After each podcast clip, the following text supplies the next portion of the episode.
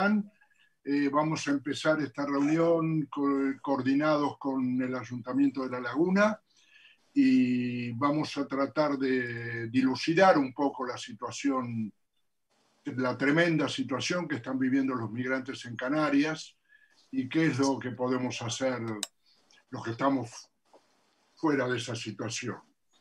Eh, en principio, eh, voy a leer un pequeño texto que muy pequeño para introducir y luego iré presentando a los distintos ponentes.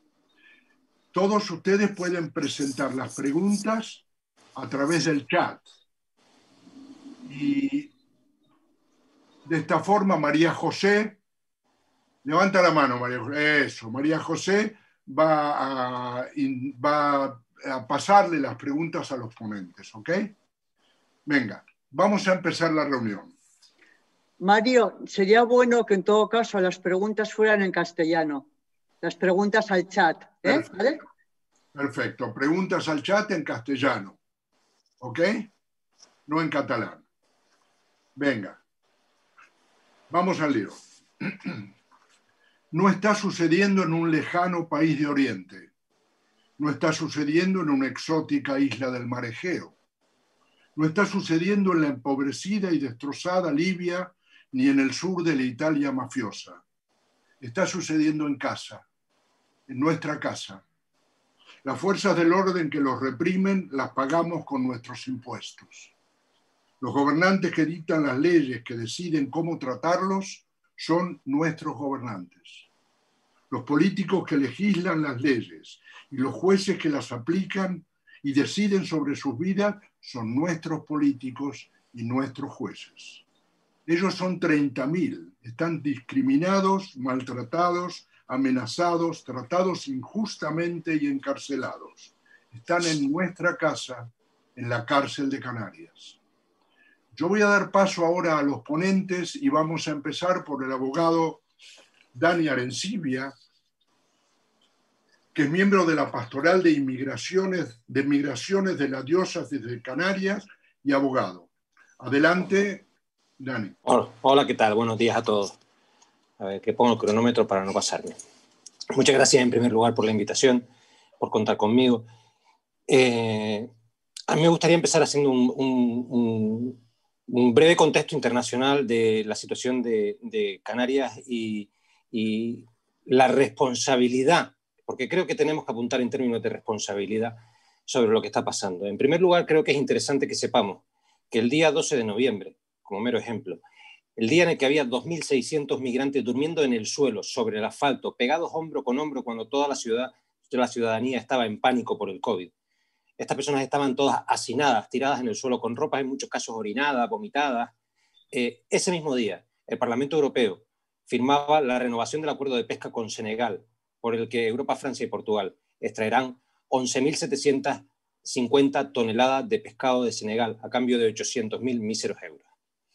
Por eso es por lo que encontramos a muchos pescadores de Senegal cogiendo sus herramientas de trabajo, sus cayucos, y lanzándose al mar a jugarse la vida para llegar a Canarias. La situación dantesca que se vivió en el muelle de Arguineguín contempla una vulneración enorme, eh, cuantiosa en cuanto a categorías de derechos fundamentales. Se vulneró su derecho a la salud porque fueron obligados a estar hombro con hombro prescindiendo de todo protocolo contra el COVID su derecho a la dignidad, su derecho a la libertad, porque se les retuvo más de 72 horas sin ponerlos a disposición eh, judicial, su derecho a la asistencia jurídica, porque no iban los abogados hacia, hacia el muelle en la mayoría de los casos porque existía miedo por la pandemia. Y esa falta de abogados no ha sido nunca sanada con una atención jurídica posterior. Además, se vulnera su derecho fundamental a la libre circulación, porque son personas que efectivamente han acabado viviendo en una isla que se ha convertido en una cárcel, porque en muchísimos casos se dirigían al aeropuerto para tomar un avión y ni los detenían ni los dejaban viajar, con lo que se formaba una, en, las islas una situación de caos, de desorden, eh, mm, porque eh, se daba un poco el síndrome del gato encerrado en un saco. Lo, lo puedes ir a acariciar, pero te va a arañar, porque está en una situación eh, confusa, angustiosa, cuando aplicando las directivas de retorno eh, y sabiendo que a largo plazo no se pueden llevar a cabo las deportaciones, el año pasado solo se hicieron 509 deportaciones desde Canarias, estas personas estarían mucho mejor con sus familias eh, en, cualquier otro punto de la Unión Europea al que se dirigieran, en un entorno de confianza y donde, entre otras cosas, tendrían algo que perder, porque seguramente no se atreverían ni a robar un yogur del supermercado, porque tienen un prestigio familiar que, proteger. La situación del muelle de Arguineguín está judicializada eh, por trato degradante, por detención ilegal, se ha archivado en dos ocasiones, yo soy abogado en esa causa, eh, y de nuevo lo tenemos recurrido, porque eh, de los juzgados se sigue diciendo que, se tiene que, las autoridades tienen que dar algún tipo de explicación a qué fue lo que ocurrió en, aquel horroroso escenario. La situación de, Isla Cárcel se ha prolongado durante meses, eh, en una situación en la que, como decíamos, con la excusa del COVID, eh, a las personas mm, cuando, eh, que se dirigían al aeropuerto por perfil racial se les pedían sus papeles, no para ver cómo, qué, justificación tenían de COVID, pero sino para ver si estaban en situación regular o irregular. Y este es un paso que eh, es un paso un más allá, que nos, nos sitúa en la posición de isla cárcel, igual que otros ejemplos que la Unión Europea ha considerado apropiados y otros países del mundo han considerado apropiados para retener la migración, que es dejar a la gente sin destino, sin esperanza atrapada en una situación eh, en la que eh, formalmente se protegen sus derechos eh, fundamentales, pero materialmente, desde luego, no se están protegiendo. Porque resulta muy difícil demostrar que existen todas estas vulneraciones. ¿Por qué? Pues volvemos a lo mismo, porque son personas pobres que normalmente no se pueden pagar un abogado. Por eso ha sido fundamental la labor de, desinteresada de abogados que han ido a tratar de demostrar que existían esas vulneraciones eh, en, distintos escenarios. En la situación del muelle de Arguineguín vimos que existía una enorme anomalía, porque entraba ahí Human Rights Watch y entraba ahí, entraba ahí el juez de control del Centro de Internamiento de Extranjeros y decía que allí había detenciones ilegales, que las había. Sin embargo, entraba la fiscal de extranjería y decía que no veía ninguna vulneración de derechos. Y eso es una anomalía, que todas las personas independientes que entran ahí vean vulneraciones de derechos, incluso delitos. Y sin embargo, la fiscal, que es la única que tiene facultad para perseguir esos delitos diga que no lo ve, es una anomalía que tiene que ser revisada. Y esperemos que en los tribunales la podamos revisar. En eso estamos trabajando. La anomalía del aeropuerto eh, convierte a las islas europeas en territorio de segunda categoría. Eh, se ha llegado a apelar a razones de seguridad para no dejar pasar a estas personas desde Canarias al, continente europeo. Cuando eh, en, Canarias lo que nos preguntamos es ¿Qué tiene el continente europeo que no tenga Canarias para que se pueda tolerar en Canarias lo que no se puede tolerar en Europa?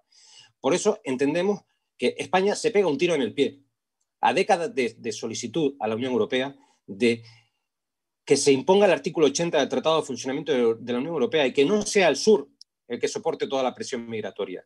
La presión migratoria, como en cualquier comunidad de propietarios, no se hace reposar entre todos los comuneros. Nadie imaginaría un, vecino de un, vecino interior de un edificio que dijera que no quiere colaborar en el mantenimiento de la fachada porque su piso da para adentro, no da, para afuera. Esa actitud que sería insolidaria, mezquina, perseguida por la ley, es la que se intenta hacer valer desde algunos países, de algunos territorios de la Unión Europea y, para nuestro dolor, en Canarias, es la que se ha tratado de hacer valer incluso dentro de España. España pierde toda la legitimidad en Europa para hacer valer eh, la, la responsabilidad compartida frente a los fenómenos migratorios en el momento en el que accede a que toda la presión migratoria se localice en el centro, en Canarias. Respecto a medidas, gracias a Dios, eh, eh, eh, estamos contando con una colaboración activa que hay que, que, felicitarse por parte del defensor del pueblo, pero hay otros contrapesos que no están funcionando. La fiscalía no está funcionando en muchas ocasiones y, algunos juzgados, con su voluntad eh, obsesiva de archivar los asuntos sin, tener investigación suficiente, tampoco están funcionando de una forma eh, normal y ordenada. Eh, seguiremos trabajando para que eso, todos esos controles funcionen. Y seguiremos trabajando también para que desde la Unión Europea se haga un planteamiento común al fenómeno migratorio. Tenemos que pensar que la presión migratoria que llegó el año pasado a Canarias, a España, a todo, a todo el conjunto del Estado fueron 40.000 personas. 16.000 personas menos de las que llegaron hace dos años. ¿Por qué llegando 16.000 personas menos ha habido el colapso de derechos humanos que hemos vivido en Canarias? Porque se ha concentrado toda la población en, un territorio reducido. Esa situación lleva irremediablemente al colapso porque no existen recursos suficientes, por mucha financiación y voluntad que se quiera poner. No hablamos de un problema de financiación realmente, porque hemos gastado 10 millones de euros a la semana en unos hoteles que no eran idóneos para la integración de estas personas. Y ahora tenemos problemas para, pagar, para, para suministrarle una segunda manta o agua suficiente. O sea, no se trata de un problema de financiación, se trata de un, problema de voluntad y de poner los derechos humanos en el centro de las decisiones. Algunas personas nos plantean que si el respeto a los derechos fundamentales puede ejercer un efecto llamada. Para nosotros es, una, es, una, es una, pregunta trampa, es una pregunta intolerable. Eh, eh, evidentemente, si no les disparamos, van a venir más, sí, efectivamente. Si no les disparamos, van a venir más. Pero es que no podemos abandonar el, el seno de la civilización. No les podemos disparar para que no vengan y no podemos vulnerar los derechos fundamentales para que no vengan. No podemos ir con el discurso ficticio de que hay que aplicar ya deportaciones masivas, porque las deportaciones no dependen de nosotros, dependen de, terceros estados. Si Marruecos cierra la puerta a que devolvamos a personas que han llegado aquí sin papeles, pues tendremos que demostrarle a Marruecos que tenemos capacidad para resolver esto en el seno de la Unión Europea, distribuyendo de una forma ordenada, solidaria, equitativa entre toda la Unión Europea al contingente que llega y eh, garantizando mecanismos que hagan que, esta persona, que la incorporación de estas personas a una Europa empobrecida sea un valor que suma y no un valor que resta. Además de, en, cuanto eh, a las causas judiciales que ya hemos señalado, la, búsqueda de responsables que creemos que es muy importante, la otra alternativa jurídica, la búsqueda de la libertad de desplazamiento que por fortuna estamos consiguiendo ya en los tribunales, creemos que haya otras alternativas jurídicas que hay que poner en pie. Hay que recordarle a las entidades locales que el empadronamiento de los ciudadanos extranjeros en las condiciones establecidas por el Instituto Nacional de Estadística en la resolución de febrero del año pasado es obligatoria y pudiéndose utilizar incluso un domicilio ficticio. Y es necesario este empadronamiento porque otros estados soberanos para emitir pasaporte lo están exigiendo, están exigiendo el empadronamiento. Y hay que recordarle a las entidades locales que el empadronamiento del ciudadano extranjero en situación irregular no genera ningún derecho por sí. Es decir, ganan ellos ganan libertad de, desplazamiento porque pueden obtener su, pasaporte y las entidades locales no pierden nada. Hay que felicitar a, las entidades locales que además han ordenado inspecciones sanitarias, porque estos ciudadanos son vecinos nuestros en este momento y también tienen derechos. Hay que felicitar a las entidades y a las administraciones que están funcionando bien y hay que recordar y llamar al orden a las entidades que no están funcionando bien. Eh, creo que en cierta medida se ha empezado a reconducir la situación de Canarias. Pero no podemos bajar los brazos, porque las aguas se calmarán y mientras que cerremos el resto de vías, eh, es muy probable que vuelvan eh, eh, inmigrantes a venir en, en embarcaciones precarias. Y por eso es importante recordar el discurso de las vías legales y seguras. Dos cosas son necesarias, creo yo, a nivel internacional.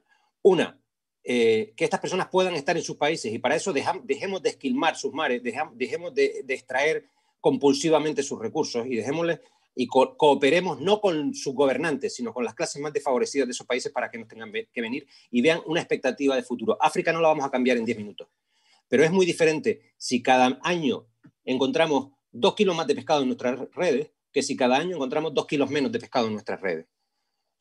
La expectativa está si existe una tendencia a la mejora en África, no si mejora todo mañana, sino si yo pienso que dentro de dos generaciones va a ser África un buen sitio para que mis nietos crezcan. A lo mejor me quedo. Si pienso que dentro de dos años la cosa sigue empeorando, seguramente me marche. Eh, y por otro lado, establecer vías legales y seguras. Yo planteo que dentro de 40 años, seguramente, eh, o tengo la esperanza de que dentro de 40 años, quien bombardee o quien venda armas en zonas en conflicto, por cada millón de armas que venda, asuma la obligación de acoger un refugiado, porque la venta de armas no es inocente y no es inocua. Genera la obligación de marcharse. Y la extracción de recursos, por cada 50 toneladas de pescado que te llevas, te tienes que llevar un refugiado. Hay que empezar a establecer vías legales y seguras vinculadas a la responsabilidad de aquellos que hacen que en África cada vez se pueda vivir peor. Muchas gracias a todos.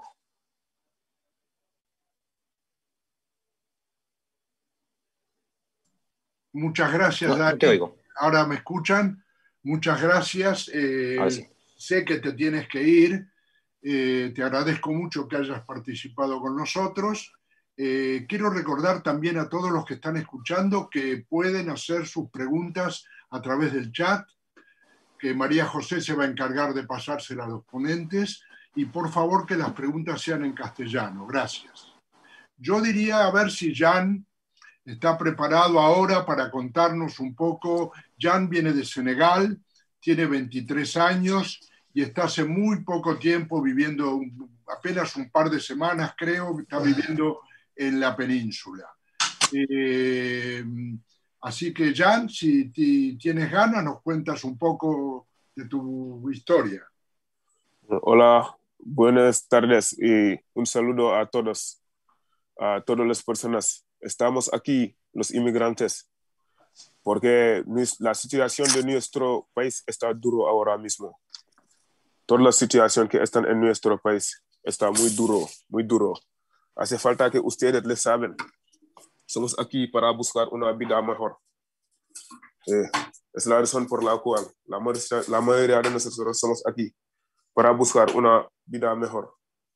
Es lo que queremos. Eh, cuando llegamos aquí, yo pienso mismo que eh, España no está un país de Europa, porque tengo vergüenza, sí, de manera clara, tengo vergüenza de saber que España es un país de la Unión Europea, porque la gente de aquí no, no trata normalmente mismo que eh, tratamos las personas. Hace falta que ustedes saben que somos personas mismo que yo, mismo que ustedes. Eh, la realidad es que eh, antes, antes la situación está duro. Antes de venir por aquí, la situación está mejor en mi país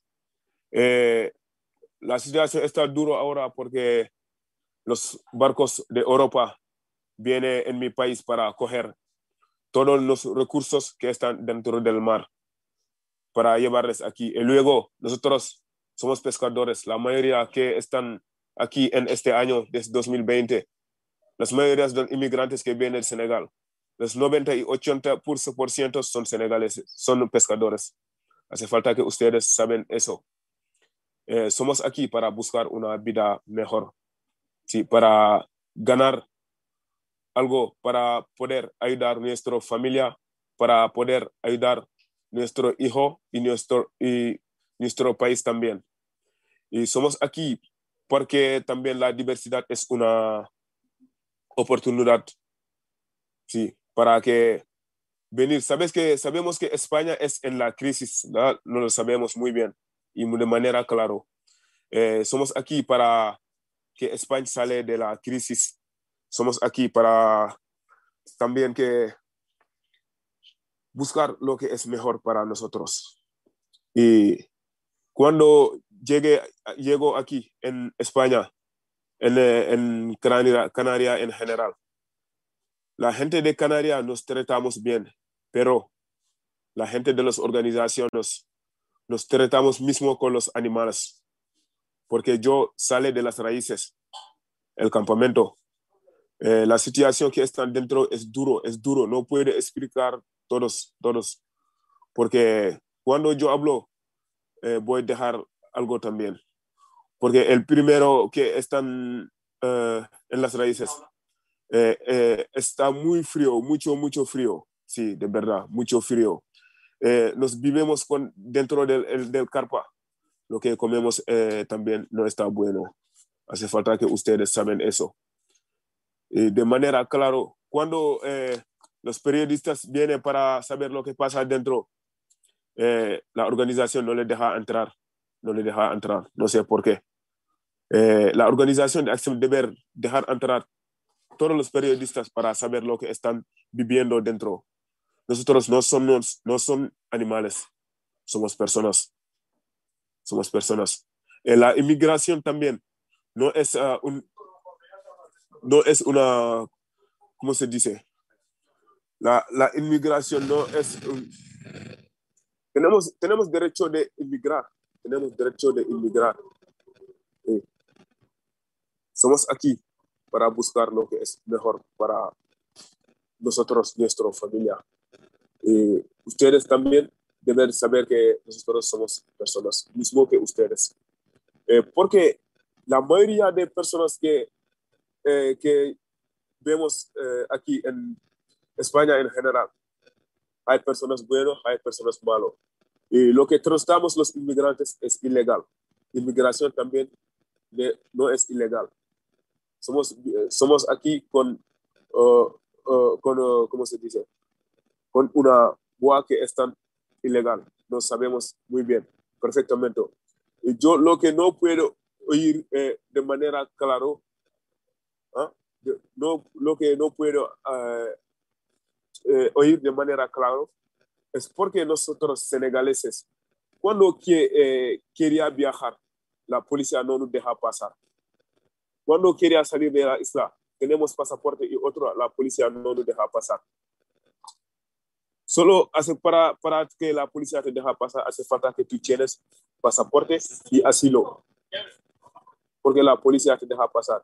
Y la Cruz Roja también lleva a los otros lleva los otros nacionalidades, maliano, guineano y gambiano. porque los senegales no les llevan?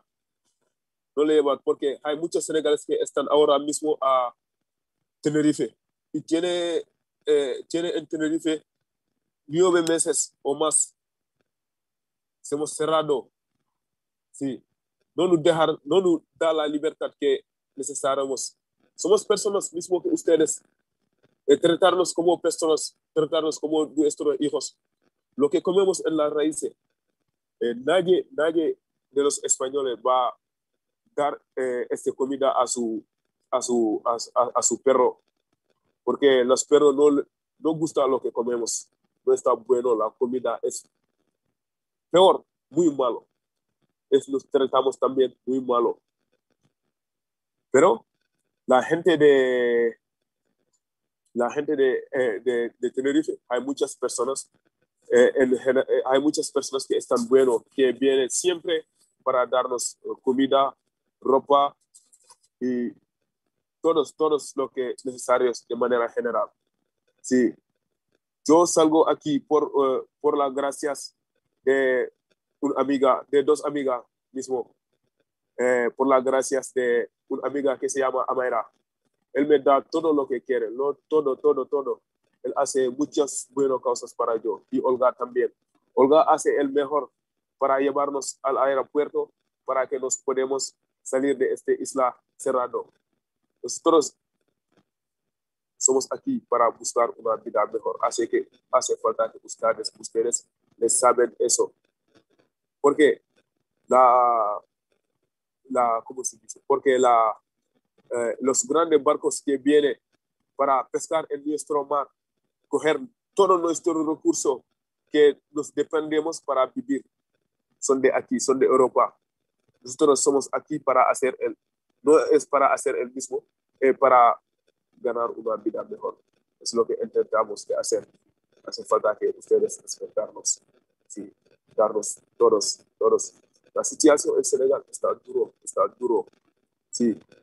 Antes, antes, eh, antes de venir por aquí, eh, 10, años antes, eh, un día puede, puede tener 45 o más de 45 oro y ahora no se puede en mi país.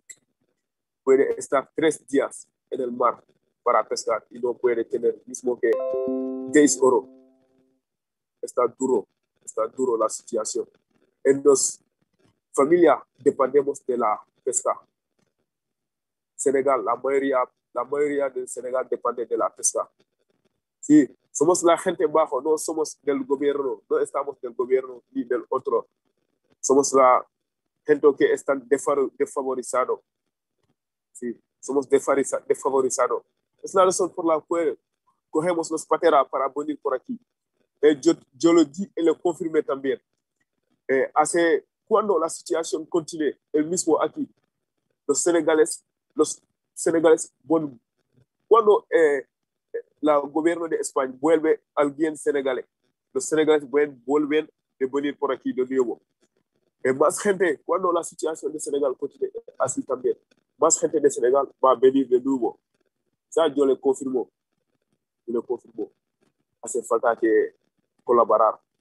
la gobierno de España y la gobierno de, la gobierno, el gobierno de Senegal se colaborar para buscar una solución mejor, para buscar una solución mejor. Sí. Eh, y estoy también muy contento y muy feliz de que ustedes invitarme a hablar de, en este en este set de YouTube. Estoy muy contento y, y hace falta que ustedes me entiendan. No hablo muy bien el español. Sí, muchísimas gracias a todos por escucharme.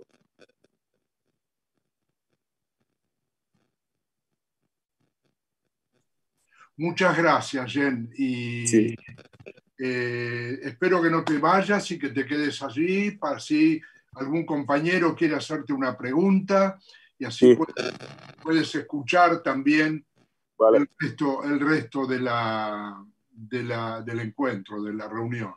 Yo, le daría, yo le daría ahora eh, paso a Olga. Eh, Olga, ¿quién es Olga? Olga es activista en el eje de migraciones y refugio de, Barcelona en Común, pero también es miembro y voluntaria de una entidad que se llama Somos Red, ¿sí? Y tiene un máster en cooperación para el desarrollo. Eh, cumplimos con presentar a los ponentes. Olga, por favor, como activista que has viajado varias veces a Canarias y conocedora de la problemática, por favor, adelante, cuéntanos.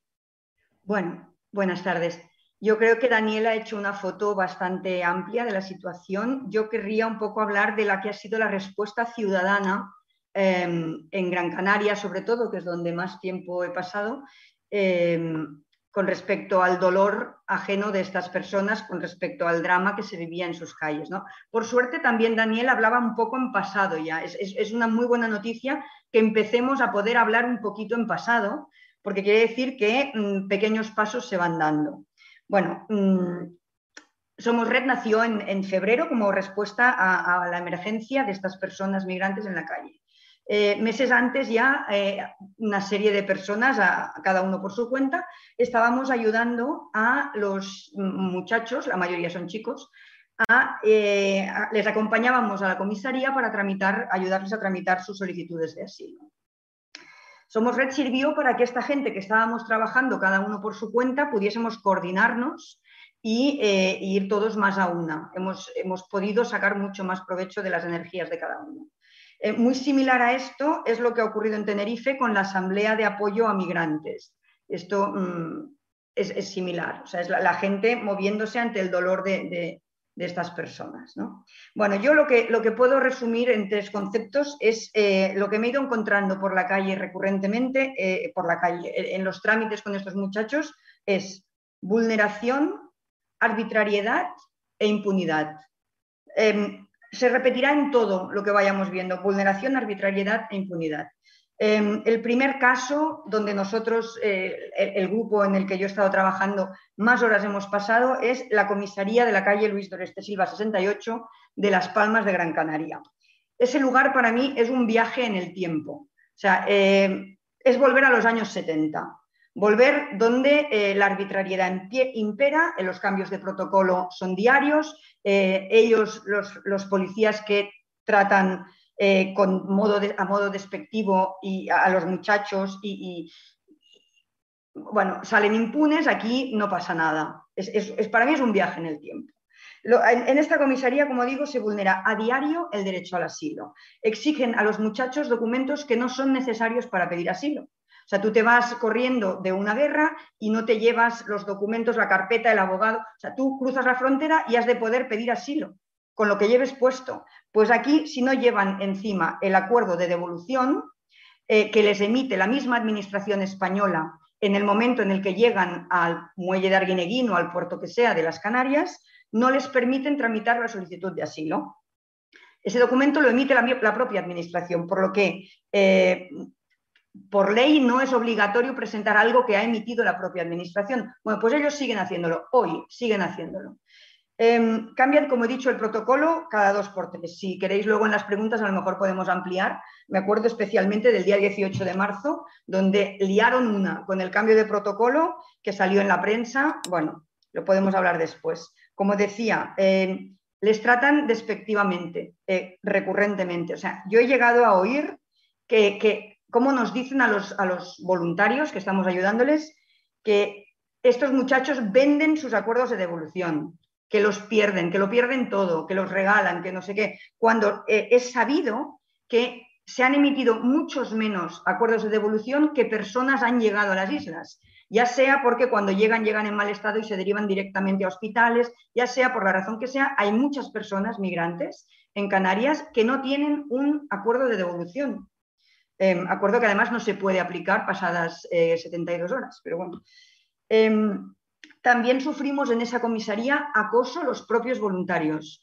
A la mínima que em, presionamos porque se respeten los derechos de estos chicos, a la mínima nos acusan de obstaculizar su trabajo. Nos proponen para sanción. En mi caso personal he estado 25 horas detenida en, un, en ese calabozo, en el calabozo de, la comisaría eh, que os estoy comentando. Es un abuso de poder constante, constante. Y una cosa preocupante, creo yo, y que indica que no es de hoy esto, es que eh, en general se tiene incorporado. O sea, es como, no, apenas se presentan quejas en la propia comisaría, apenas se, presentan, bueno, denuncias, no se Entonces, claro, si no, eh, si no lo dejamos por escrito, todo esto no está existiendo. Luego pasará y no habrá existido nunca. Tenemos un problema con eso. Otro, otro punto en el que em, se vulnera constantemente es con eh, el derecho, o sea, la presunción de minoría de edad. Cuando un chaval expresa, se manifiesta como menor de edad, se tiene que proceder a pasar el caso a Fiscalía de Extranjería. Cruz Roja, con algún, en algunos casos lo hace y en otros muchos no lo hace. Y Cruz Roja es quien gestiona eh, los alojamientos en los que están estos chicos. Em, no se gestiona, se quedan allí con su certificado de nacimiento, nosotros los voluntarios nos los vamos encontrando y lo que vamos, la policía, perdón, eh, rebobino, la policía em, hace identificaciones por la calle. Un chaval dice ser menor y la policía no lleva el caso a Fiscalía de Extranjería. Lo dejan en la calle, dejan a menores durmiendo en la calle. Hay bastantes menores, ha habido bastantes menores en el campamento Canarias 50 en Las Palmas. Em, y ahí se quedan. Cruz Roja no los lleva a ningún sitio, la policía tampoco. Lo que estamos haciendo, tenemos la suerte en Somos Red de eh, contar con la abogada Ruth Miranda.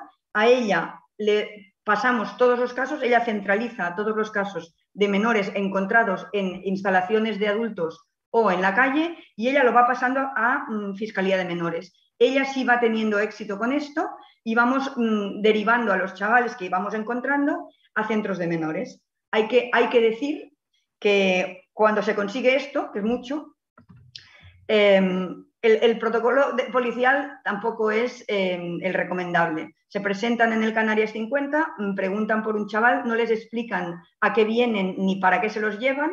Los chavales menores, como digo, de edad, eh, se van con un susto en el cuerpo enorme cuando después descubren que es para ir a un centro de menores.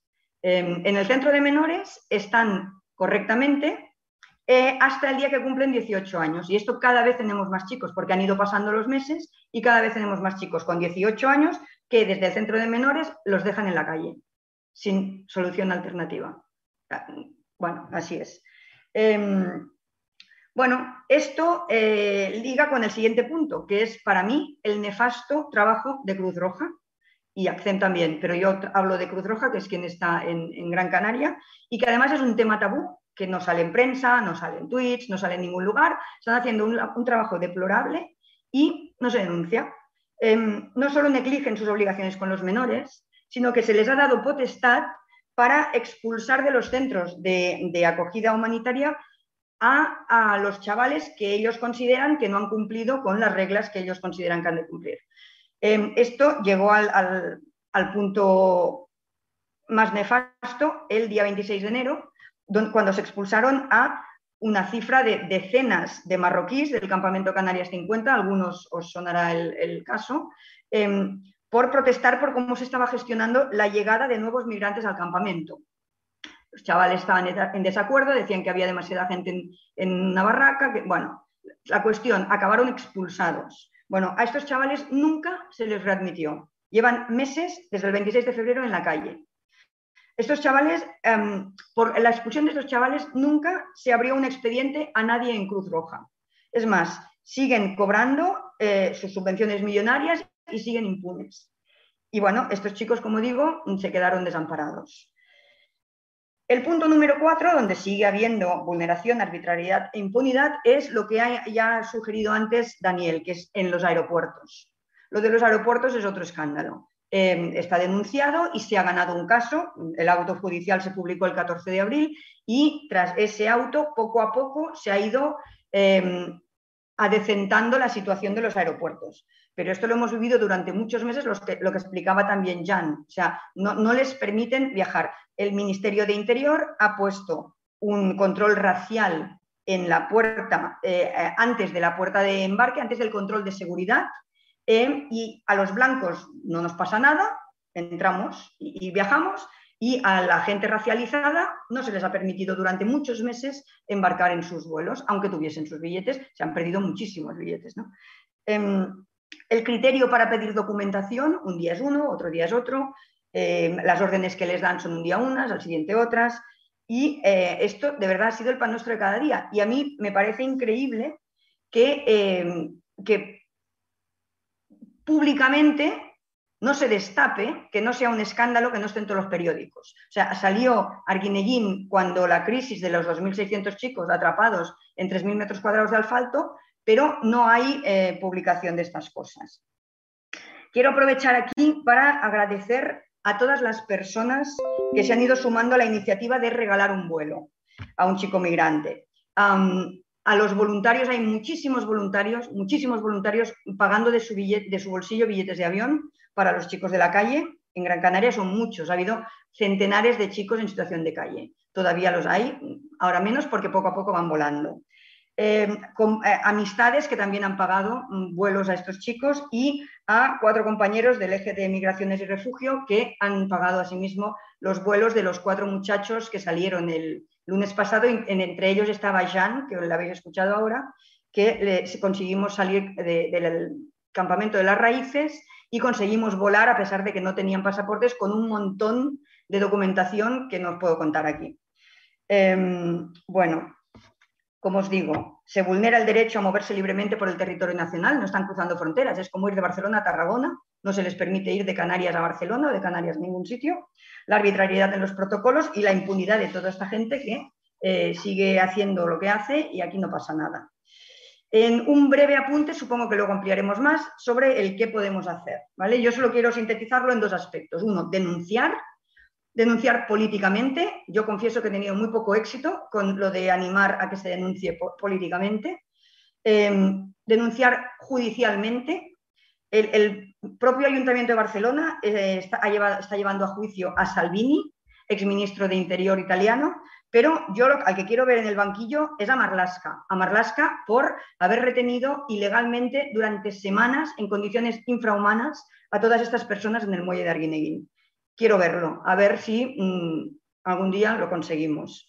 Eh, y periodísticamente, y aquí os quiero poner un, ejemplo, y es que el, último artículo de periódico que se desaprovechó para explicar lo que está pasando se titulaba del siguiente modo. Un migrante intenta quitarse la vida arrojándose al tráfico tras sufrir un ataque de ansiedad cuando iba a pedir asilo a Gran Canaria. Es como una casualidad. Él iba a pedir asilo y, mira, en ese momento casualmente tuvo una crisis de ansiedad. Cuando se debería haber titulado algo como un migrante intenta quitarse la vida arrojándose al tráfico cuando un policía le ha exigido un documento innecesario para solicitar asilo. El chaval que llevaba cuatro días yendo a la comisaría, cuando le dijeron que necesitaba el acuerdo de devolución y que tenía que hacerlo de otra manera en otro sitio, se desesperó y se tiró al tráfico. Y los, artículos de periódico mm, lo, descafeinan de esta manera. Sea, esto hay que ir al tema. El, el policía fulanito de tal le pidió a este señor este documento y a raíz de eso el hombre se desesperó, pero no lo estamos haciendo. Bueno, y la segunda parte del qué hacer y cómo podemos ayudar es ayudarles a salir de las Islas Canarias y hay muchas maneras de ayudarles a salir. Eh, una de ellas es ayudarles con toda la documentación, pero una muy sencilla es regalar un vuelo, regalar un vuelo a una persona migrante. Luego, si queréis, ampliamos los criterios que aplicamos para eh, a quién priorizamos en estos vuelos, etc. Pero eh, bueno, es una posibilidad a la que todo el mundo tiene acceso, todo el que me dice en Barcelona y yo qué puedo hacer, pues mira, pues regalar un vuelo, ¿sabes? Eh, querría dejarlo aquí, mm, ceder el turno a, a, Rubens y bueno, y luego continuamos si tenéis preguntas. Gracias. Muy bien, muchas gracias, Olga. La verdad que muy explicativo y muy claro tu análisis y claro, totalmente de acuerdo con tus exigencias. Sí, tenemos que ver un poco cómo se organiza esta ayuda desde fuera de Canarias, desde acá, desde, desde la península. Vamos a darle paso ahora a Rubén. Rubén, que es la institución que lleva el peso de esta situación desde la laguna. Rubén es el primer teniente de alcalde del Ayuntamiento de San Cristóbal de la Laguna, es concejal de Bienestar Social, coportavoz de Unidas Se Puede, que es la confluencia que dirige el municipio. Es además licenciado en Historia. Creo que tiene mucho que decirnos. Adelante, Rubén. Y recuerden también que los que están mirando por YouTube la reunión, que pueden hacer sus preguntas a través del chat y por favor en castellano. Adelante, Rubén. Muy buenas tardes, muchísimas gracias a Mario, a todas las compañeras y compañeros que, han intervenido esta tarde. Agradecer eh, desde, desde, este lugar donde estamos viviendo y resistiendo eh, el cariño que hemos recibido por parte de, de bueno, de, todo el mundo, especialmente del Ayuntamiento de Barcelona, muy concretamente, de Barcelona en Común, del eje de migraciones que ha estado eh, sintiendo y acompañándonos mucho más que otros municipios que tenemos a, pocos kilómetros de distancia. Es sorprendente que a veces los hermanamientos que se logran eh, y la solidaridad que se construye a pesar de los kilómetros que nos separan. Eh, en La Laguna, pues estamos en un gobierno que, que, es un gobierno de progreso, donde esta unidad se puede y hay otras organizaciones políticas, está el Partido Socialista eh, que tiene eh, la alcaldía, también están los compañeros y compañeras de Avante. Somos una, una, serie de partidos que sumamos en las elecciones pasadas y que ahora mismo pues, nos ha tocado gestionar una de las mayores crisis eh, socioeconómicas de la historia reciente de, de, nuestra tierra y además también una crisis humanitaria vinculada con el abordaje de la realidad migratoria.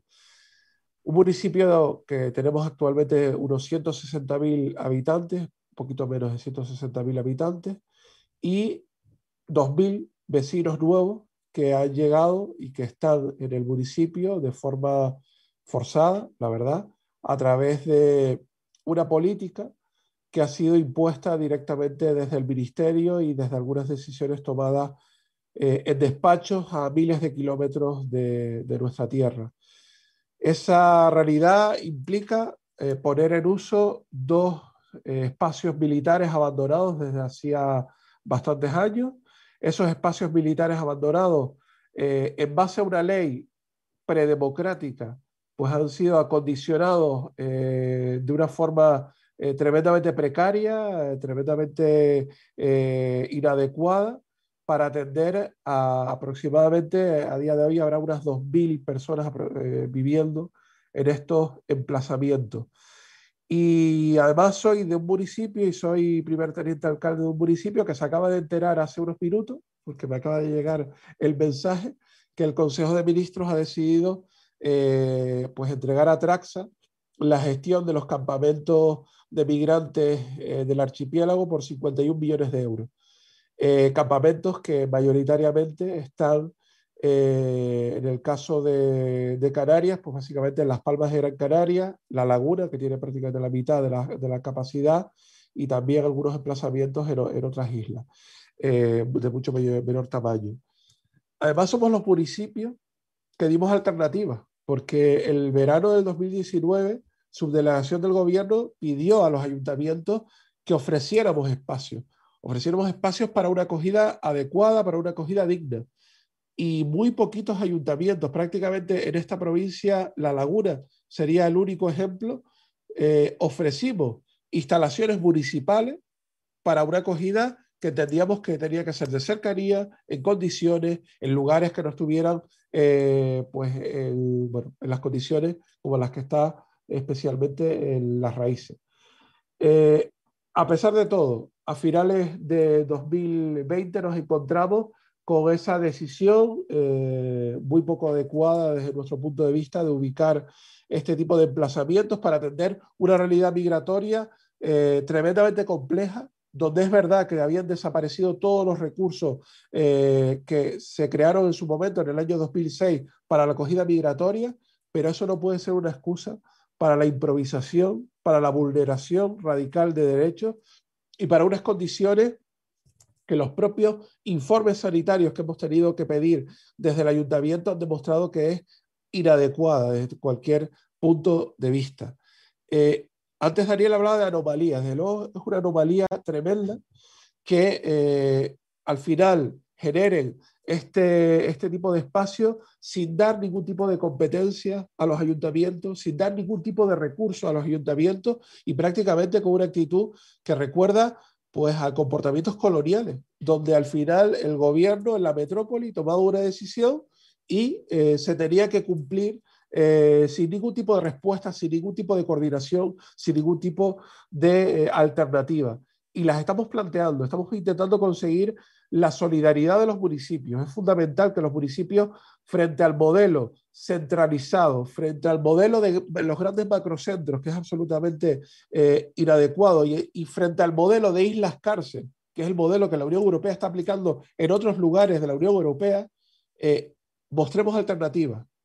Es necesario, desde luego, mantener la solidaridad de la población, que hay que decirlo. En la laguna hemos tenido la suerte de encontrarnos una población que ha respondido eh, de forma acogedora, de forma responsable, de forma razonable, y también hemos tenido un ayuntamiento que no ha estado organizando, como en otros municipios, manifestaciones en contra de los inmigrantes, o que ha estado trabajando en proyectos que tienen que ver con la integración de los migrantes, con el recuerdo.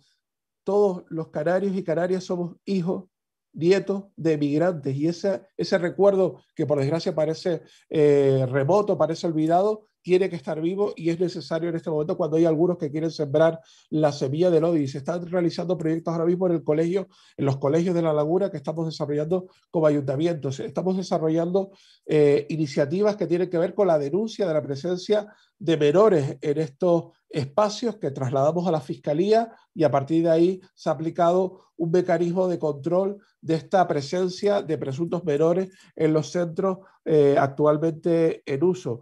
También estamos desarrollando un proyecto con el área de movilidad sostenible para intentar conseguir que no haya cosas tan sencillas como atropellos. O sea, estamos eh, hablando de unas condiciones tan precarias de acogida que ya se han dado algunos casos de, de atropello o riesgo eh, más que evidente de atropello entre la población que trata de transitar a lugares urbanizados, porque estamos hablando, en el caso de las raíces, una zona bastante eh, apartada del conjunto de la parte urbana del municipio. Estamos trabajando con el Colegio Oficial de Trabajo Social para hacer un diagnóstico sobre cómo podemos desde el ayuntamiento poder eh, trabajar y realizar y reforzar nuestras políticas de apoyo a la población migrante y de integración también, evidentemente, porque es necesario reforzar todo ese tipo de tareas sin tener recursos y sin tener respuestas por parte de las administraciones competentes en materia migratoria. Y también, y hoy lo, quiero comentar aquí, creo que es una medida que tenemos que aplicar, antes lo comentaba también Daniel, eh, desde los municipios.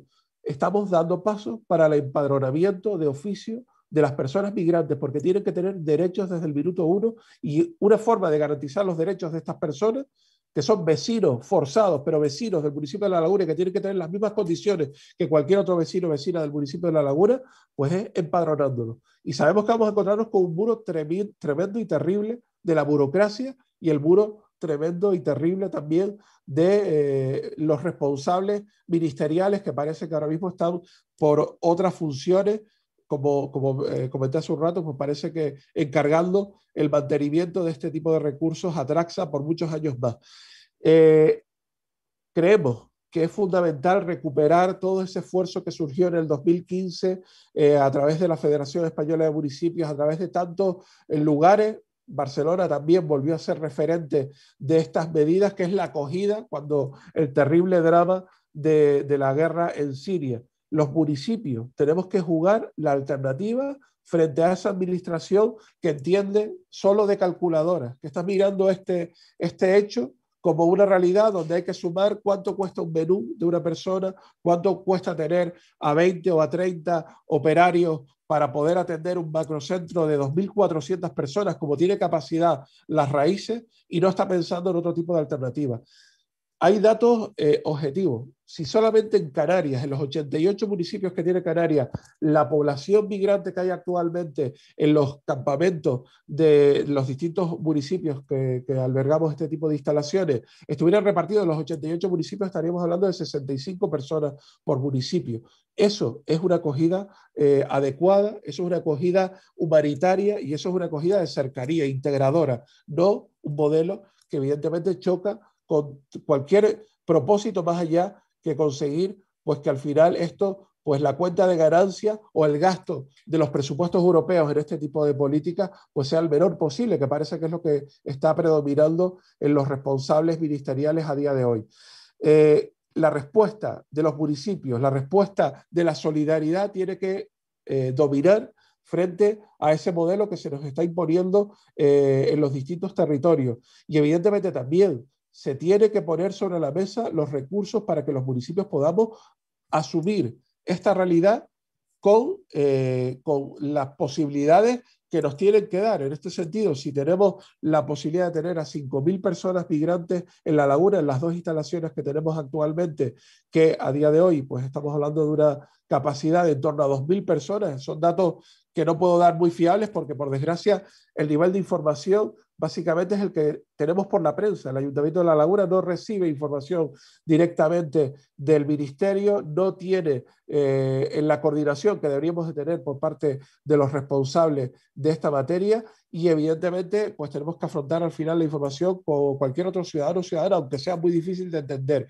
Y en este sentido pues es necesario que el ministerio entienda que también somos parte de la solución, somos parte de la respuesta que se tiene que dar para eh, la acogida digna y evidentemente también eh, otras iniciativas como la que comenta Olga, de la que, bueno, este fin de semana, eh, bueno, hace unos días ya, pues la verdad que se nos saltaron las lágrimas de una foto que, que nos mandó, donde con unos chicos que estaban en el campamento de las raíces, donde en una situación muy complicada, muy difícil, pues logró que al final pudieran eh, ir a, otros lugares, pudieran estar más cerca de amigos, de familiares, de personas que, les esperan y de un futuro que quieren construir, eh, como acaba de comentar también ya tan, tan claramente y tan rotundamente.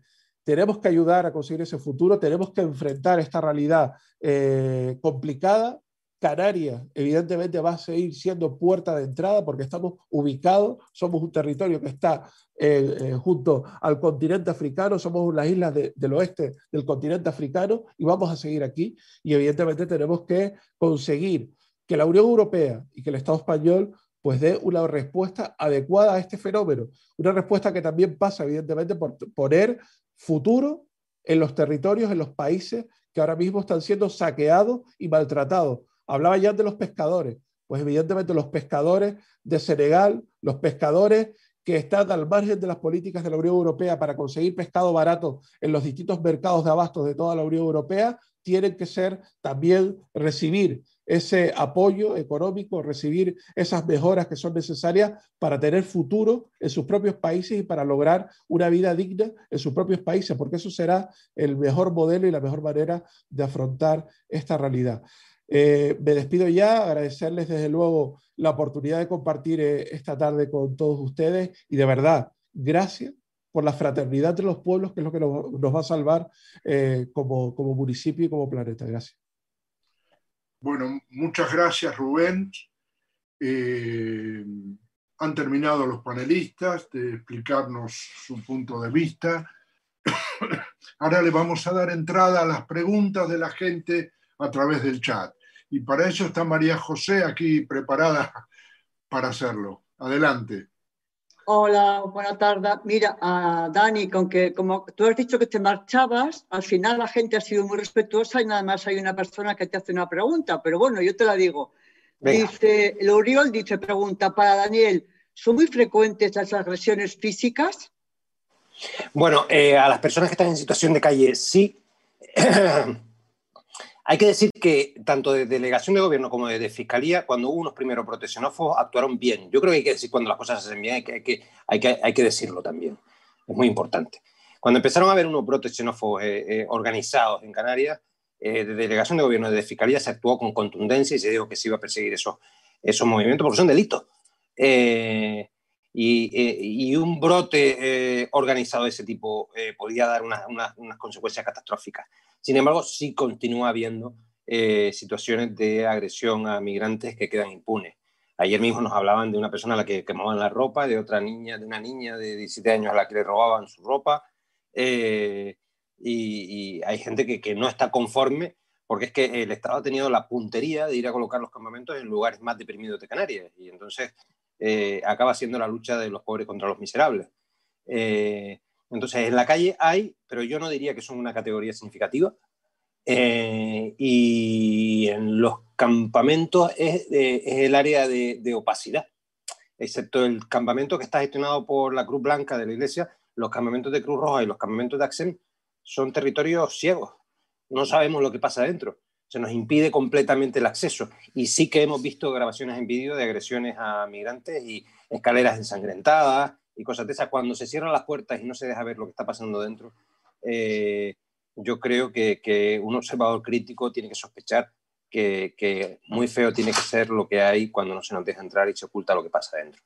Así que eh, eh, fuera está la cosa más o menos controlada, dentro vemos fotogramas de sangre que nos alarman. Gracias, Dani. Una cosa, a ver, no tenía más que esta pregunta por lo que te he dicho antes, pero si quieres complementar algunas respuestas, porque hay bastantes preguntas, ¿eh? tus compañeros, tú mismo, ¿eh? si puedes esperar, gracias. perfecto. Gracias a ti. A ver, ahora eh, tengo dos preguntas para ti, Jan. Jan, mira, del Uriol también dice, preguntas Jan, ¿desde cuándo los barcos de Europa se llevan el pescado? Una esta, y luego otra más dice, eh, bueno, nada más es un abrazo solidario, te da un compañero a ti, Jan. Dice, ¿qué mensaje le enviarías al gobierno español para mejorar la situación de los migrantes? Primero, el tema de la pesca y segundo, ¿qué dirías al gobierno español? Gracias. Jan, por favor, pon el micrófono.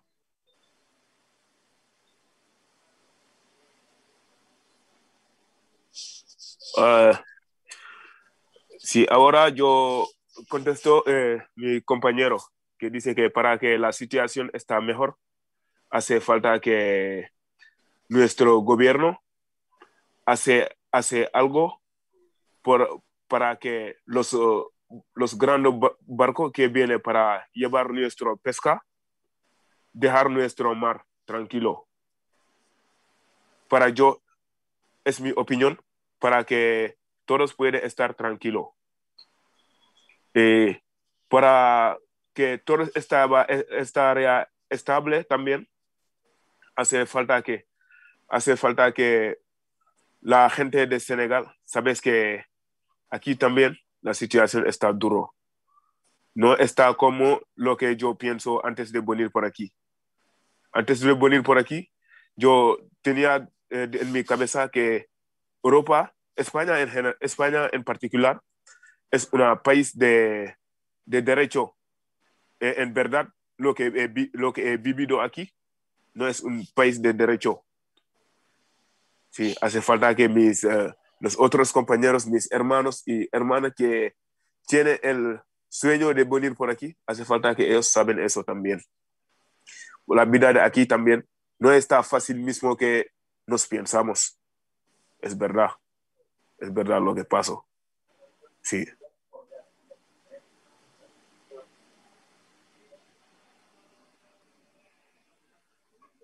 Pienso que sí. Es lo que pasa. María José, el micro. Jean, gracias. Ah, hay otra, una pregunta, bueno, mejor dicho, un comentario de una compañera, Natalia dice que te dice que lamenta mucho todo lo que está pasando a, a ti y a tus compañeros y que es una vergüenza que España y Europa no esté a la altura de una buena acogida, una acogida digna. Gracias, gracias, Jean. Ahora ya pasaré a más preguntas. A ver. Bueno, bueno. Eh, Carmen González comenta, hablando de, bueno, no sé si no va dirigida a nadie, dice ayer acompañé a un chico de 16 años que pasó por las raíces procedente de Gambia. Es sobre el tema de la edad que tú comentabas, Olga. Dice, el documento que le hicieron después de la prueba figuró a 18 años. O sea, el chaval viene con 16 años, le hacen la prueba y le suben para no tenerle que ser de, los, de los menores. Bueno, es, no es ninguna pregunta, simplemente un, un hecho que le pasó ayer a, a esta chica. Luego, eh, Manel comenta, ¿por qué se retiene a los migrantes en las islas mientras hay plazas de acogida que no están ocupadas en las comunidades autónomas? No sé, o Dani o Rubén. Bueno, eh, el, 10 de diciembre creo que fue, eh, se montó tremenda escandalera porque un vuelo de, procedente de Canarias aterrizaba en Granada con migrantes africanos. Al día siguiente, la, la subdelegada del gobierno en Granada dio una rueda de prensa diciendo que una persona que no estaba detenida podía moverse libremente. Al día siguiente, el 11, hubo un titular en El Mundo a cuatro columnas que era PP, Ciudadanos y Vox solicitan la comparecencia urgente de Marlaska para explicar los traslados a la península. Y el 12 de diciembre se instaló el control COVID eh, que impedía todos los traslados de las personas eh, a península. Es decir, es evidente que fue una instrucción por parte del Ministerio de Interior, y así lo hemos documentado nosotros en la demanda eh, contra el control del aeropuerto, que está orientada a decisiones políticas que no tienen encaje jurídico porque quien se puede mover 100 metros, como decía Olga antes, por España, se la puede recorrer entera. Entonces, eh, ¿cuál es el criterio que hay detrás de eso? ¿Cuál es el criterio que hace que España, que era uno de los pocos países libres de guetos, esté construyendo un gueto precisamente en el único sitio desde el que las personas no pueden ir hacia otros países? Es evidente, bueno, es evidente, a mí me parece, yo intuyo, que debe haber una agenda oculta con la Unión Europea. Hay elecciones europeas en Francia el año que viene y a mí no me extrañaría que desde Francia, desde Alemania, se le haya dicho al gobierno de España, hombre, si los retienes en Canarias, mejor. Eh, que a lo mejor el año que viene tienes que negociar una, nueva financiación para una, extensión de los ERTE. Eh, eh, la, la, concentración de estas personas en Canarias no favorece a Canarias, no favorece a los migrantes y no favorece a España. Va en contra del interés de todos, de todos los participantes que tienen competencia. ¿Y por qué se hace? Efectivamente, hay actualmente 2.700 y pico plazas en península libres en programas de acogida, que son idóneas y están vacías. Los hoteles no son idóneos. En un hotel no se produce integración y sale carísimo, pero es posible que atiendan otros intereses económicos. ¿Por qué un programa de acogida que está previsto específicamente para migrantes está vacante y las personas que son idóneas para ocuparlo están tirados en el suelo pasando frío en la población de Tenerife en la que más frío hay. Tenemos que preguntarnos qué intereses son los que hay detrás, desde luego. Y yo entiendo que, como decía antes Rubén, eh, eh, eh, son decisiones que se toman a miles de kilómetros prescindiendo completamente del interés general. y dejar todas esas plazas vacías tienden a, decirnos que obedece a no alimentar el efecto llamada. Eh, que si, si, las personas que llegan a Canarias pensando que van a poder llegar hacia Europa, entonces vendrán más. Y lo que hay que responder es que Canarias es Europa. Y cuando llegan a, Europa, a Canarias, ya están en Europa. Un accidente geográfico como es un océano no cambia la consideración jurídica de Canarias, que pertenece a Europa, a todos los efectos, pertenece al territorio Schengen, que impide, que impide los controles para, para los movimientos interiores. La trampa que estamos haciendo de concentrarlos en Canarias dinamita el proyecto europeo de libertad de desplazamiento. Dinamita la respuesta solidaria y de responsabilidad compartida que establece el, Tratado de la Unión Europea para, para la llegada. Y hoy llegan a Canarias, pero es que mañana pueden llegar a Cataluña, o pueden llegar a Valencia, o pueden llegar a, Italia, ya están llegando hoy a Italia. Y lo que es fundamental es que España sea firme en la exigencia de una responsabilidad compartida. Y yo aprovecho, porque antes me olvidé de decirlo, cuando estaba, a mí me gusta mucho poner medallas a quien lo hace bien y, y, señalar con nombre y apellidos, como dice Olga, a quien lo hace mal, porque creo que la responsabilidad en todo esto se diluye. Y creo que es muy importante hay que felicitar el paso adelante dado por el Ayuntamiento de Barcelona como primer ayuntamiento de España, levantando la mano para decir, queremos que venga gente para acá. Cuando la crisis siria de 2015 todos los sirios empezaron, a ir a Grecia, El Estado, entonces gobernado por el Partido Popular, reclamó a las entidades locales españolas eh, plazas donde colocar a la cuota de sirios que nos tocara. Y en ese momento las autoridades, las entidades locales más humildes de Canarias levantaron la mano y dijeron, mándennos aquí a 1.800 sirios. Nada hay más lejos de Siria que Canarias en la Unión Europea. Pero en Canarias se tuvo muy claro que el proceso migratorio era un proceso europeo y que se debía afrontar de manera europea. Rubén antes decía, si distribuíamos a todos los migrantes por los ayuntamientos de Canarias, ¿por qué de Canarias? ¿Por qué de Canarias? Es que si hablamos de, que a estas personas se les deja ir con su familia, si se accede a recursos de, de su propia familia, que salgan estas personas del presupuesto y que se reparten de manera orgánica, como ha sido siempre. Estamos en una cifra de 40.000 personas, que son mucho menores a las de hace dos años. Estamos inventándonos un problema al crear islas cárceles, con el, manido argumento de no generar efecto llamada. El efecto llamada se genera dándole dinero a élites poco democráticas, a gobiernos poco democráticos, que no velan por los derechos humanos en los países de donde vienen estas personas, que no velan porque las clases más desfavorecidas puedan acceder a unos recursos básicos y a, a cubrir sus necesidades básicas, y cree, estas personas creen que mañana va a ser peor, y por eso salen. Gracias, Daniel.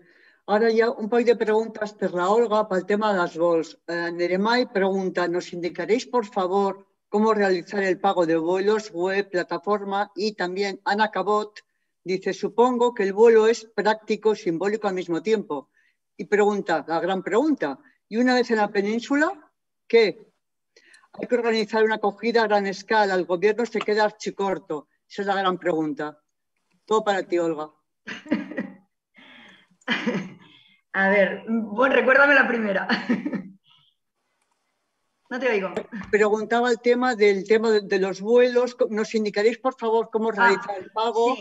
Yo lo que propongo es que te dejen a ti, María José, los datos de contacto y nosotros les contactamos. ¿Vale?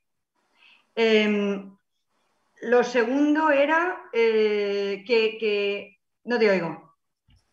Es que no me lo he notado, perdona, ¿eh? No, lo segundo es que perfecto, vuelos, todos somos buenos y tal, pero cuando llegan a la península, ¿qué hacemos, no? Vale, sí. Ah, lo de práctico simbólico, ¿no? No, no, es práctico total. O sea, lo de simbólico no es práctico, práctico absolutamente. Porque el chaval va al aeropuerto y si todo va bien, se sube al avión. Em, ¿Qué pasa cuando llegan aquí? Bueno, pues os, lo acoto en este momento. Lo que estamos haciendo ahora, claro, eh, ¿qué criterios?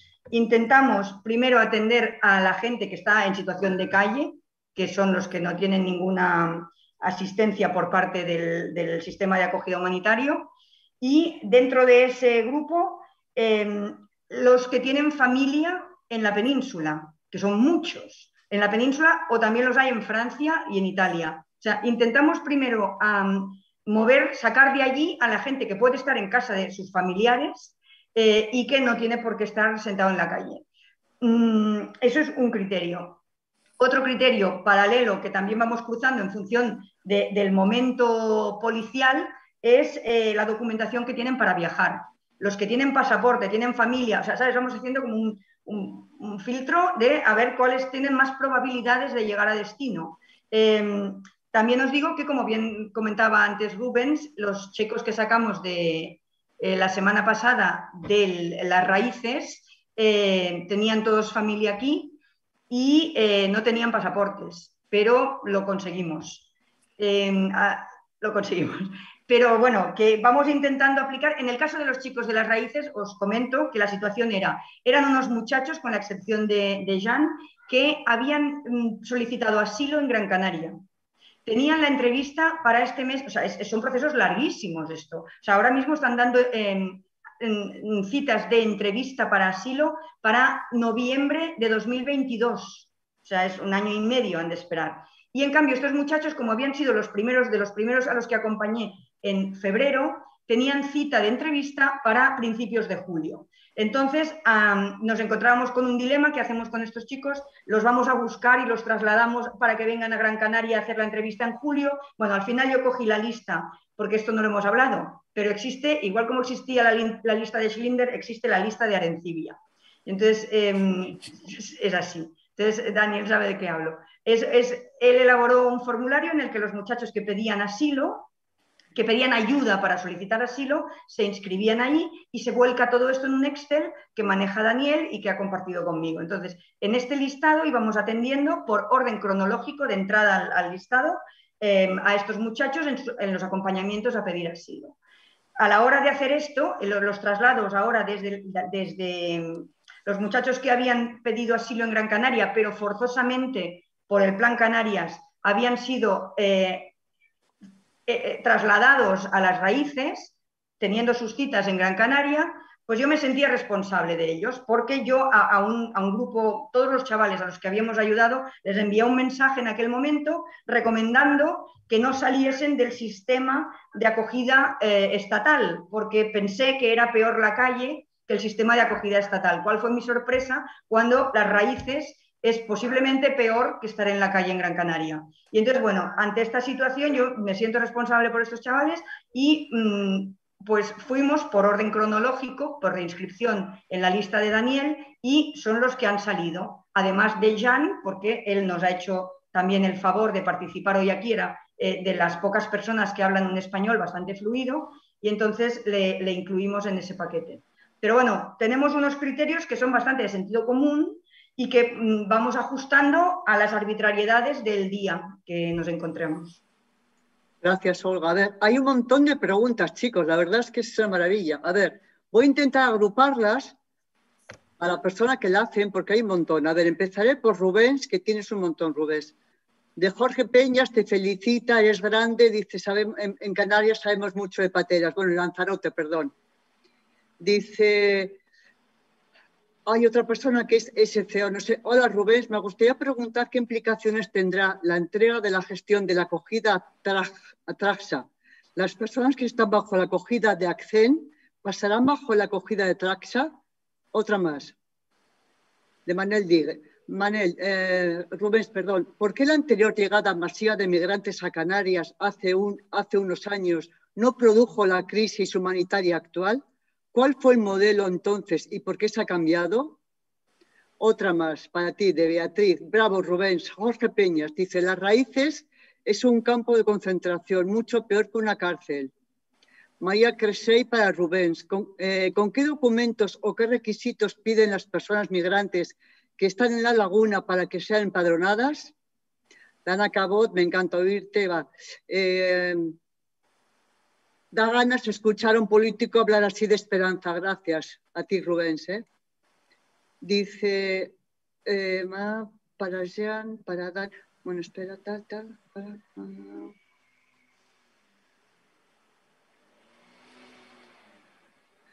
ah, para Rubens también, ¿hay esperanza que con el fin del cierre perimetral sea más fácil la circulación de migrantes Canarias Península?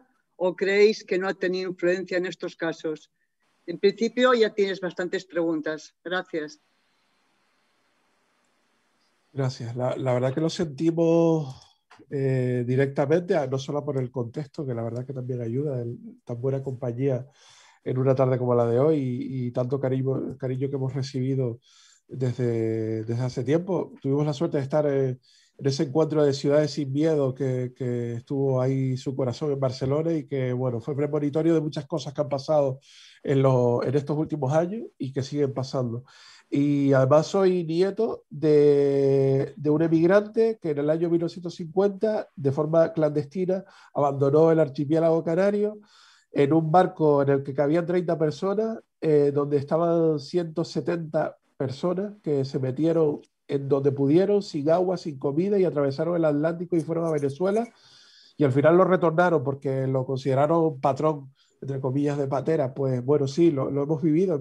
O sea, esa vivencia es la vivencia de miles de familias de Canarias. Si no sentimos esto como algo que nos afecta personalmente y emocionalmente, no, no, no seríamos, no seríamos personas, eso está claro.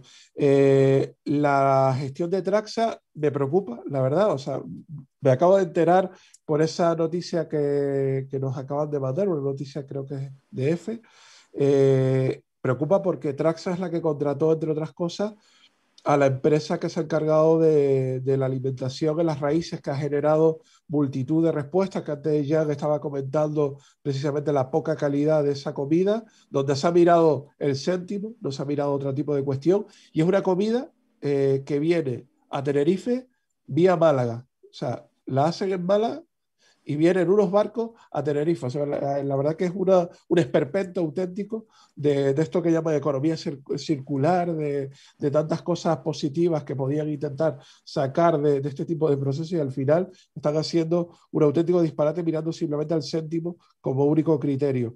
El modelo de 2006 la diferencia es verdad, las raíces se utilizó también en el 2006, el modelo en ese, en ese momento donde hubo una, una llegada también muy importante eh, de, población desde el continente africano al archipiélago, pues fue de modelo tipo CIES, o sea, en las raíces llegó a albergar 3.000 personas, no había asfalto en ese momento, era directamente sobre el suelo, eh, donde, o sea, sobre la tierra, eh, donde estaban ubicadas esas carpas, que eran unas carpas de, de tela, en esa época, ahora son carpas de plástico, no es que hayamos mejorado mucho, ahora tenemos un campamento de concentración 2.0 eh, y la realidad es que ese modelo, la única diferencia es que era carcelario, digamos, el propio modelo, el propio centro era un centro cerrado donde no se podía salir, era como un CIE. De esa realidad, bueno, prácticamente toda la población que llegó al archipiélago en cuestión de meses fue hacia, hacia distintos puntos del estado creo que, bueno, Daniel, antes solo me faltó decirle amén a su intervención. La verdad que estuvo brillante, claro y, y, muy, muy, directo con respecto a cómo se ha percibido esa, esa, realidad. Los mismos grupos políticos que aquí en Canarias dicen, ay, qué pena, que cómo es posible, qué vergüenza, cómo se está gestionando esto. Me refiero a esos grupos políticos que mencionó Daniel, no les voy a dar publicidad, eh, eran los mismos que estaban diciendo cuando llegaba algún avión a Andalucía o a otros territorios, que bueno, se, escándalo, eh, viene el COVID, eh, los inmigrantes lanzando bulos y, brutalidades en las redes sociales, que eran los mismos además que utilizaron la presencia inadecuada o no de, de los migrantes en los hoteles para argumentar toda una serie de barbaridades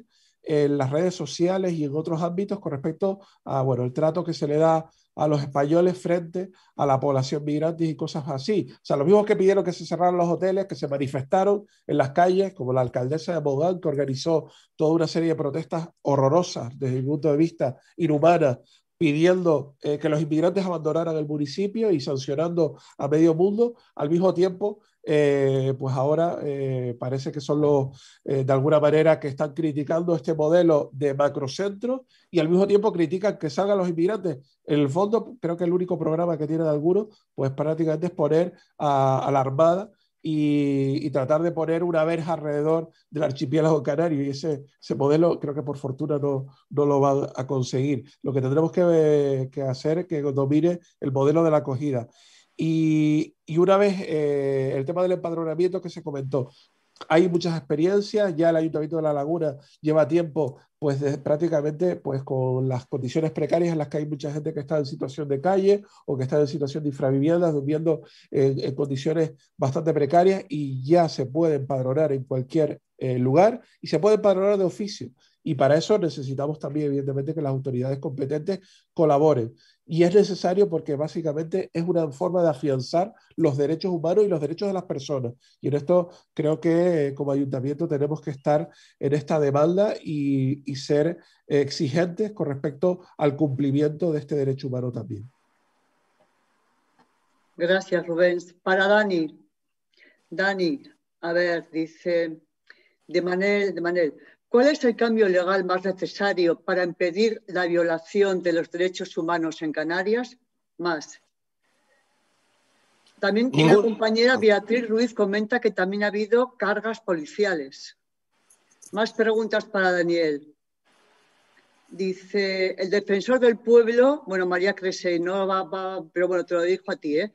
La María Crese dijo, el defensor del pueblo, creo que desde el gobierno de Canarias se ha pedido apoyo a las comunidades autónomas para acoger menores. A día de hoy, ¿saben cuáles se han ofrecido? Bueno, no sé si tú o Rubén.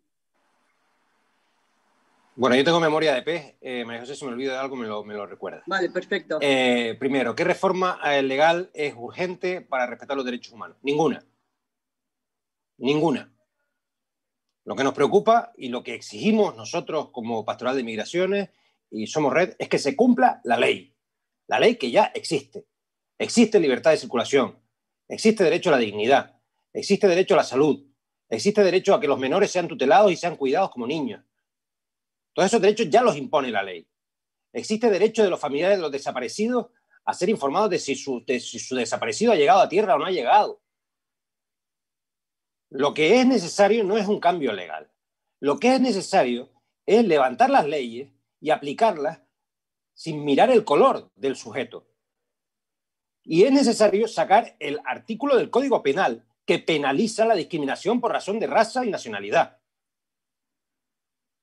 Tenemos un, ejemplo muy tonto, pero eh, eh, ocurrió hace un par de meses. alguien llamó a la policía local, no sé de dónde, eh, porque había un menor en la calle y el policía local preguntó, ¿y de qué color es? Es que esa pregunta no procede. Si hay un niño en la calle, hay que protegerlo. Y no se puede preguntar por el color. Eso es otra anomalía. Y es una anomalía que tengamos a 2.600 personas durmiendo en el suelo porque son negros, porque si fueran canadienses o fueran suecos, que se hubiese su ferry encallado y, hubiese habido que, acogerlos en el muelle, no los habríamos tenido 20 días tirados en el suelo. Eso es una discriminación por razones de nacionalidad y eso es un delito. Entonces, lo que necesitamos no son nuevas leyes, sino que lo que necesitamos es que la gente, que, las autoridades competentes, la fiscalía, los jueces, los ministerios y los funcionarios responsables de cada una de, de, cumplir la ley, la cumplan. Y que los que observamos que no se está cumpliendo, denunciemos los incumplimientos. No hay que hacer ninguna reforma. Esa era la primera pregunta. La segunda, María José, te pido ayuda.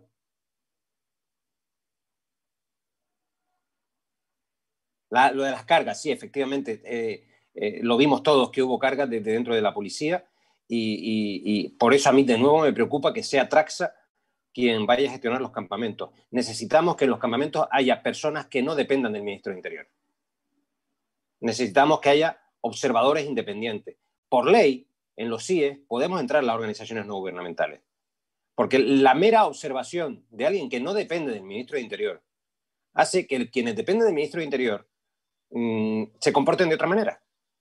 Entonces, que ahora sea de nuevo el, el, propio gobierno, porque Traxa no es más que una empresa pública, quien vaya a gestionar los macrocampamentos es una nueva sensación de alarma. Allá donde lo estaba gestionando Cruz Roja, la situación no era la mejor, desde luego. Y hay que discriminar de nuevo. Los campamentos de Cruz Blanca son campamentos abiertos a los que se puede entrar tranquilamente y hay que felicitar a Cruz Blanca por cómo está gestionando los campamentos, sin expulsar a nadie. el caso de Cruz Roja era peor, pues el de Traxen no lo quiero ni pensar, que no tiene una vocación humanitaria. Una cosa, ya para acabar las preguntas a, ti, tengo dos más, más que nada de agradecimientos, pero que también te los quiero dar. Eh, de Amaita García, que dice, gracias Daniel por abrir la puerta a tantos inmigrantes, gracias a tu defensa. Y otra, bueno, gracias a tu trabajo.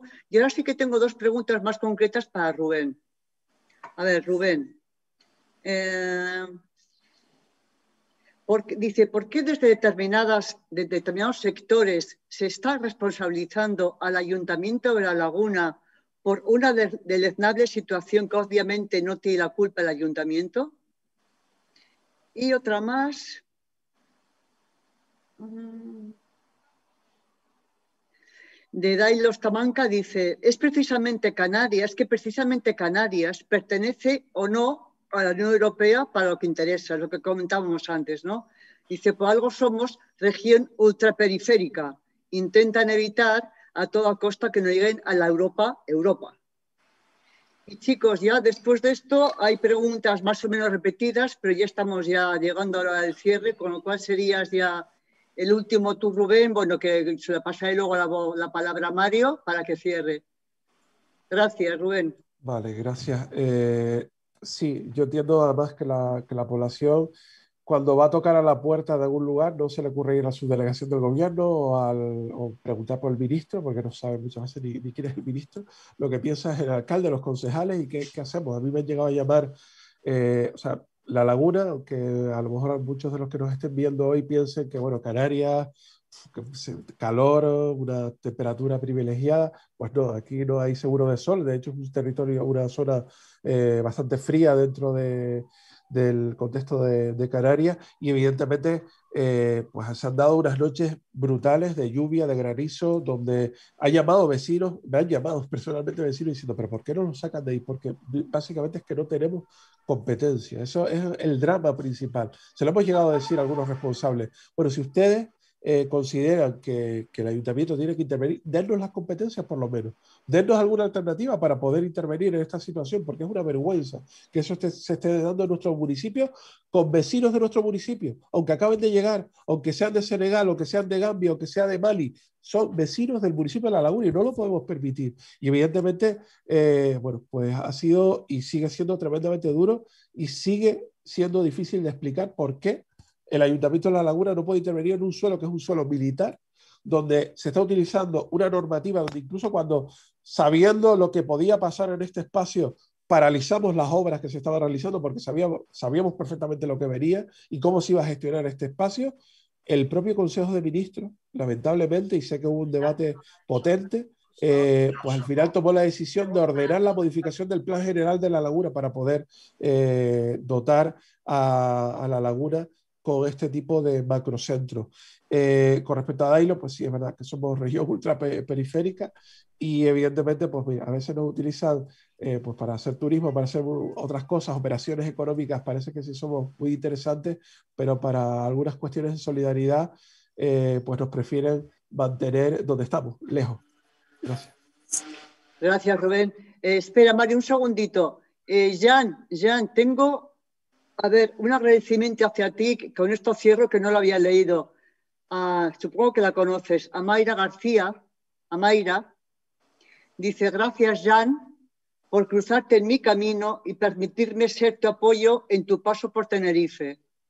Ha sido un punto de inflexión en mi vida. Estoy muy orgullosa de ti. Vale. Gracias. Mario, todo tuyo. Bueno, sí, pero antes de cerrar quisiera preguntarle a los ponentes si quieren decir algo más. Eh, unos minutos tenemos todavía. Olga, Si no, entonces voy a cerrar. Eh, Mario, Mario, solo una cosa. Em, salir de, la sensación de impotencia de que no se puede hacer nada. Animar a todo el mundo a hacer lo que esté eh, en su mano y si no se les ocurre nada, que contacten con nosotros, que ideas tenemos muchas.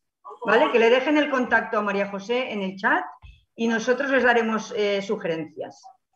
Exacto, eh, por ahí va la cosa. Solo quería mencionar lo siguiente. El gran culpable escondido en toda esta crisis es Frontex. Y quiero que todo el mundo sepa, los que no lo saben aún, que hay una iniciativa de eurodiputados de la izquierda europea que están iniciando la posibilidad y la lucha por una auditoría a Frontex, por la enorme cantidad de dinero que se invierte en ello, que no solamente que no sirve para nada, sino que está generando esta situación, ¿no? Y aparte, hasta hay acusaciones penales posiblemente. Otra iniciativa que se está intentando y que se está presionando es el pedido de división a Marlaska. Quiero decir, como siempre, el trabajo de los activistas, de los movimientos sociales, de los individuos que están comprometidos con esta realidad, más las instituciones capaces de estar del lado de la ciudadanía, del lado de, escuchar a la gente del pueblo, eso es lo que hace posible que se pueda avanzar en estas cosas. Este acto lo organiza el eje de migraciones y refugio de Barcelona en Común. Vamos a tomar nota de todo lo que se ha hablado acá, de las propuestas, de las ideas que se han dicho en este acto y de todas las ideas que vayan llegando. Y somos un canal, o queremos servir como canal de contacto entre La Laguna, Dani, Olga, Jan, de, todo lo que pasa en Canarias con la realidad de los activistas en la península y en Barcelona. Yo no tengo nada más que decir, gracias a todos y bueno, a seguir luchando. ¿Okay? Yo desde, desde Canarias, Mario, quiero agradecer de verdad el calor que he sentido de muchos activistas en península, en concreto abogados. Tenemos una red estupenda de, de, 10 o 15 abogados que de, Almería, de, Madrid, de Barcelona, responden sobre la marcha a una persona que necesita saber qué le falta a mi papel para conseguir esto, o, es verdad que me pueden pedir aquello, y sobre la marcha alguien que está preparando el café de su hijo contesta un WhatsApp en el que resuelve una pregunta que es urgente y esencial para una persona que está en Canarias pasándolo mal. Hemos sentido ese calor, hemos sentido el calor de algunas instituciones de la península, entre ellas del Ayuntamiento de Barcelona, y, y hay que agradecerlo, porque de verdad que se trabaja distinto cuando uno siente que no está solo. Muy bien. Muchas gracias a todos y hasta la próxima y a seguir luchando. Hasta luego. Muchas gracias. gracias, Jan. Gracias a ti también. Que, te vaya muy bien, Jan. Sí, muchísimas gracias a todos también. ¿Qué vas a hacer? ¿Qué vas a hacer? Ahora, ahora quiero, quiero tener una, una centro de corrida. Sí, porque ahora estoy con un amigo que no conozco en mi futuro. Bueno, que tengas mucha suerte, mucha suerte, Dani. Adiós. Gracias. Adiós. Adiós. Vale, adiós.